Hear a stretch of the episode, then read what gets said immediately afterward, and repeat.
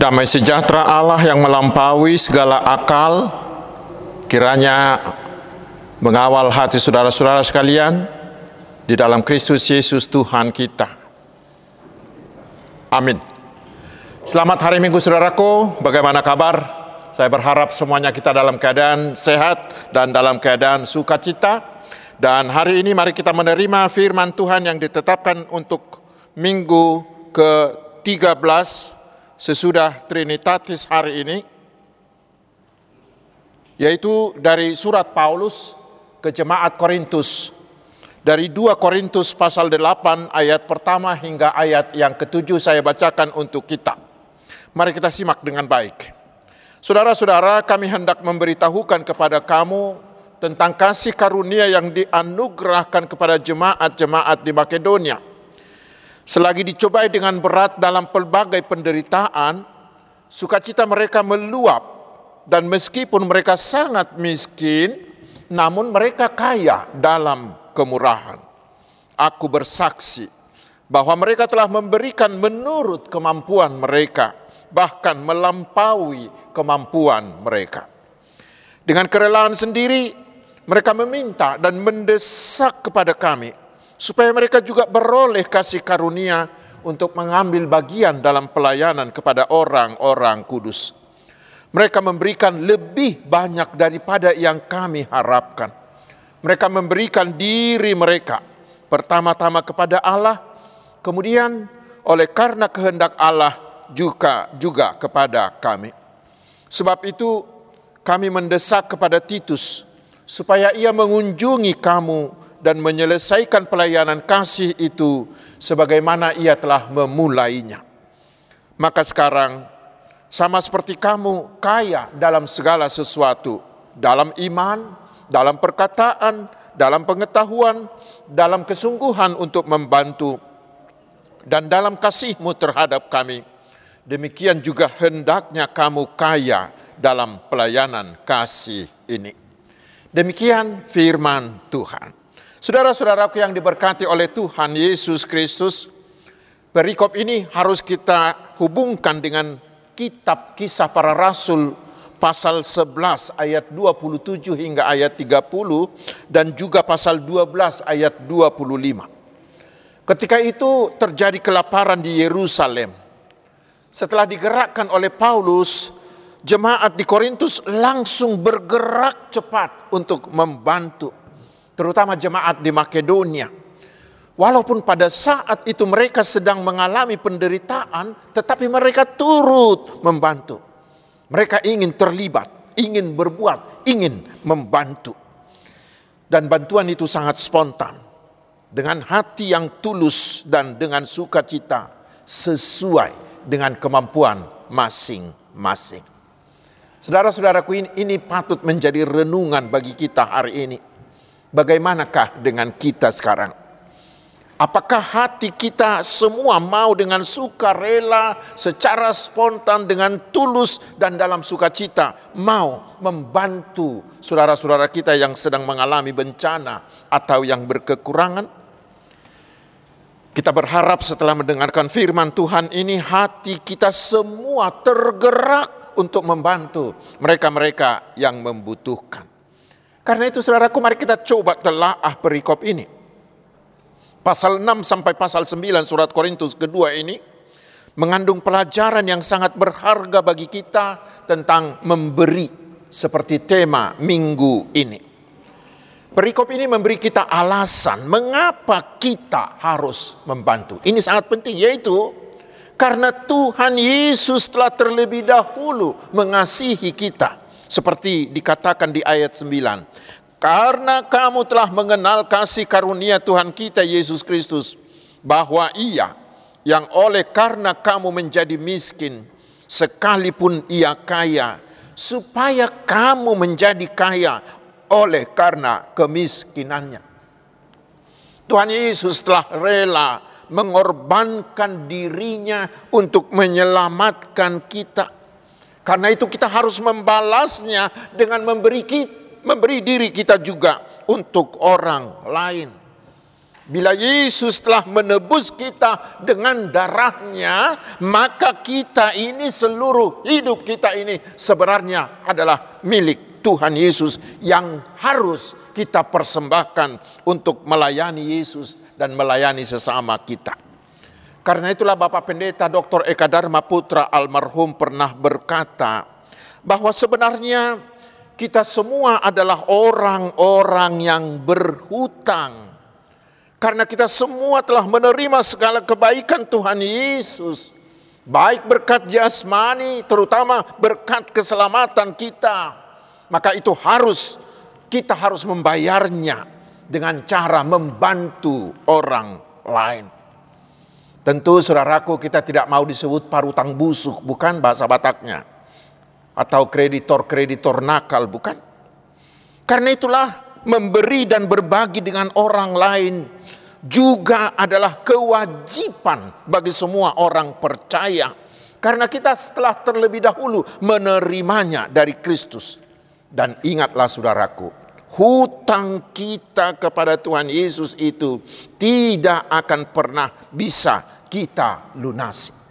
Karena itu jangan pernah ber, berpikir bahwa bila kita telah memberi banyak, kita merasa telah memberi terlampau banyak. Saudaraku, pasti apa yang bisa kita lakukan, pasti itu tidak akan pernah cukup. Itulah yang harus mendasari semua perbuatan baik kita. Bila tidak, maka perbuatan baik itu akan menjadi kesombongan pribadi. Di sana akan ada keinginan untuk dipuji.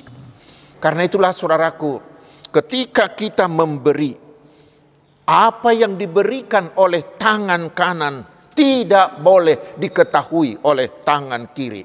Matius 6 ayat 7. Ayat 3 maaf. Karena bila kita memberi, kita sedang membayar hutang kita. Tetapi saudaraku masih ada alasan yang berikut. Kita wajib membantu sesama kita karena kita adalah satu sebagai tubuh Kristus. 1 Korintus 12. Bila satu anggota tubuh ini menderita, maka anggota tubuh yang lain harus turut merasakan dan ikut membantu. Bila ada orang yang membiarkan sesamanya menderita, pasti dia bukanlah anggota tubuh Kristus. Tetapi saling memberi untuk membantu adalah tanda bahwa kita adalah satu sebagai tubuh Kristus. Saudara-saudaraku yang diberkati oleh Tuhan Yesus, banyak orang Kristen berpikir dia mau memberi bila dia sudah cukup memiliki. Tetapi firman hari ini menandaskan bahwa itu adalah pemahaman yang salah. Karena di ayat 2 dikatakan jemaat Makedonia itu adalah orang-orang yang berkekurangan, yang miskin. Dan ditambah lagi pada waktu itu mereka juga sedang mengalami penderitaan yang sangat berat. Tetapi bila kita baca di Roma 15 ayat 26 dikatakan bahwa justru dalam kondisi seperti itulah mereka sendiri mau memberi. Bahkan dikatakan mereka memberi melebihi kemampuan mereka. Mungkin saudaraku ini bukan soal jumlah. Tetapi mari kita baca di ayat 5b dikatakan mereka memberikan diri mereka. Pertama-tama kepada Allah, kemudian oleh karena kehendak Allah juga kepada kami. Artinya, mereka mau mengorbankan dirinya untuk memberikan bantuan itu. Itu yang luar biasa. Orang yang sedang menderita mendahulukan membantu penderitaan orang lain. Saudaraku ini adalah ini menjadi dorongan dari firman ini bagi kita semua hari ini. Walaupun kita sedang miskin, walaupun kita sedang menderita, itu tidak boleh menjadi alasan untuk tidak bisa menolong orang lain. Walau miskin, kita tetap bisa menolong orang miskin yang lain. Yang terluka, orang yang terluka bisa mengobati orang yang terluka lain. Dalam bahasa Inggrisnya sering disebut the wounded healer.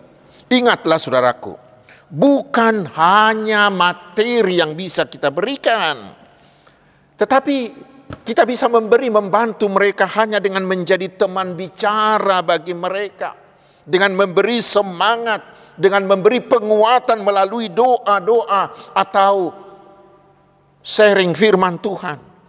Atau kita bisa membantu mereka dengan turut mencari jalan keluar dari masalah mereka. Karena itu hari ini saudaraku kita diyakinkan bahwa kita semua pasti bisa membantu orang lain.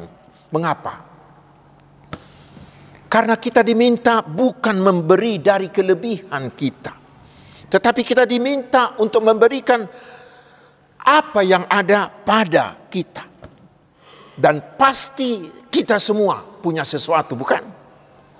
Sama seperti gembala di khotbah beberapa minggu yang lalu.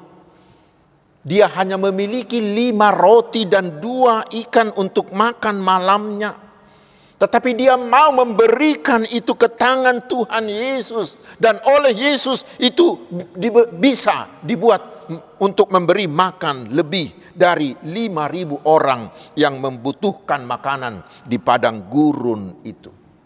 Karena itu saudaraku berilah yang kau punya. Bukan yang tidak ada pada kita. Tetapi berikanlah itu hanya didorong oleh kasih Yesus. Saudara-saudaraku yang dikasihi Tuhan Yesus Kristus, memberi tidak akan membuat kita rugi. Karena di pasal 9 ayat 7 itu dikatakan, sebab Allah mengasihi orang yang, yang memberi dengan sukacita. Tentang ini saudaraku saya pernah membaca sebuah ilustrasi begini. Katanya suatu ketika si danau, si danau menegur adiknya si sungai. Karena si sungai itu dianggap terlampau boros. Dia memberikan airnya di setiap tempat yang dia lalui. Tetapi mendengar itu si sungai itu senyum-senyum saja. Tetapi suatu ketika terjadilah musim kemarau yang sangat hebat. Lama-lama air si danau itu kehabisan air. Si danau itu kehabisan air. Sehingga dasarnya tampak sudah kering kerontang. Siapa siapa menaruh belas kasihan kepada orang yang lemah memiutangi Tuhan yang akan membalas perbuatannya itu. Tetapi kita juga tidak setuju dengan teo, ajaran teologi sukses yang mengatakan berilah semakin banyak agar kau menerima semakin banyak. Oh tidak juga seperti itu. Itu namanya mengail. Harus diberi umpan dulu baru dapat ikan yang besar. Oh tidak seperti itu. Berkat Tuhan tidak boleh dikail. Tetapi Tuhan berdaulat penuh memberikan berkatnya bagi siapa pun menurut kehendaknya yang terbaik. Tetapi yang pasti saudaraku di 2 Korintus 9 ayat 10 hingga 11 dikatakan, Ia yang menyediakan benih bagi penabur dan roti juga untuk dimakan. Ia juga yang akan menyediakan benih bagi kamu dan melipat gandakannya dan menumbuhkan buah-buah kebenaranmu. Kamu akan diperkaya dalam segala macam kemurahan hati yang membangkitkan syukur kepada Allah oleh karena kami. Saudaraku, untuk menutup khotbah ini, saya mau membacakan sebuah tulisan yang berbunyi begini. Allah menciptakan matahari, dan matahari itu memberi sesuatu. Allah menciptakan bulan, dan bulan itu memberikan sesuatu. Allah menciptakan bintang-bintang, dan bintang-bintang itu memberi sesuatu. Allah menciptakan bumi dan bumi itu memberikan sesuatu. Allah menciptakan bunga, buah, binatang, pohon dan mereka semua memberikan sesuatu. Tetapi Allah menciptakan manusia. Manusia memberi apa? Allah menciptakan saya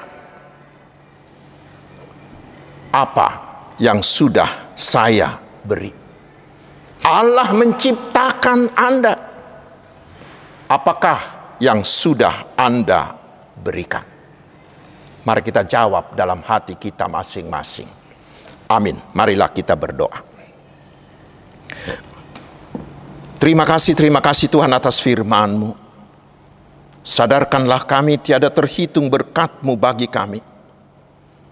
Tetapi Tuhan melihat apakah yang sudah kami berikan untuk Tuhan melalui sesama kami. Biarlah dengan firman-Mu hari ini kami semakin terdorong untuk meneladani-Mu. Menjadi orang yang berbelas kasih. Menjadi saluran berkat-Mu bagi sesama kami. Terutama bagi mereka yang berkekurangan. Ya Tuhan yang Maha Kasih, kami menyerahkan seluruh hidup kami ke tangan penyertaan-Mu. Karena hanya di dalam penyertaan-Mu sajalah kami yang sedang sakit akan sembuh. Kami yang mengalami pergumulan akan ditenangkan. Kami yang berkekurangan akan dicukupkan. Dan kami akan selalu berhasil. Dan kami yang belum memiliki baik pasangan hidup maupun keturunan akan Tuhan berikan untuk memiliki karena engkaulah Allah yang maha kuasa dan yang sangat mengasihi kami. Ya Tuhan Bapak di sorga kami memohon, berkatilah seluruh misionaris, para pekabar Injil di mana pun mereka melayani. Beri mereka kekuatan yang berlipat ganda. Buatlah semua pelayanan mereka berhasil, sehingga semakin banyak orang yang mendengar dan percaya kepada Yesus. Bapak di sorga yang maha kasih, kami terus memohon, terus menerus berdoa untuk pemerintah dan bangsa kami. Agar Tuhan menjagai, sehingga walaupun di tahun politik menjelang pemilu ini, bangsa dan negara kami ini tetap solid dalam kesatuan, aman dan penuh damai sejahtera. Dan presiden kami serta pemimpin-pemimpin kami tetap fokus menjalankan roda pemerintahan, yang mendatangkan kesejahteraan bagi rakyat bangsa ini. Terpujilah namamu ya Tuhan yang Maha Agung, pencipta dan pengatur segala sesuatu, di dalam nama Tuhan Yesus dan Juru Selamat kami yang hidup. Kami berdoa. Amin.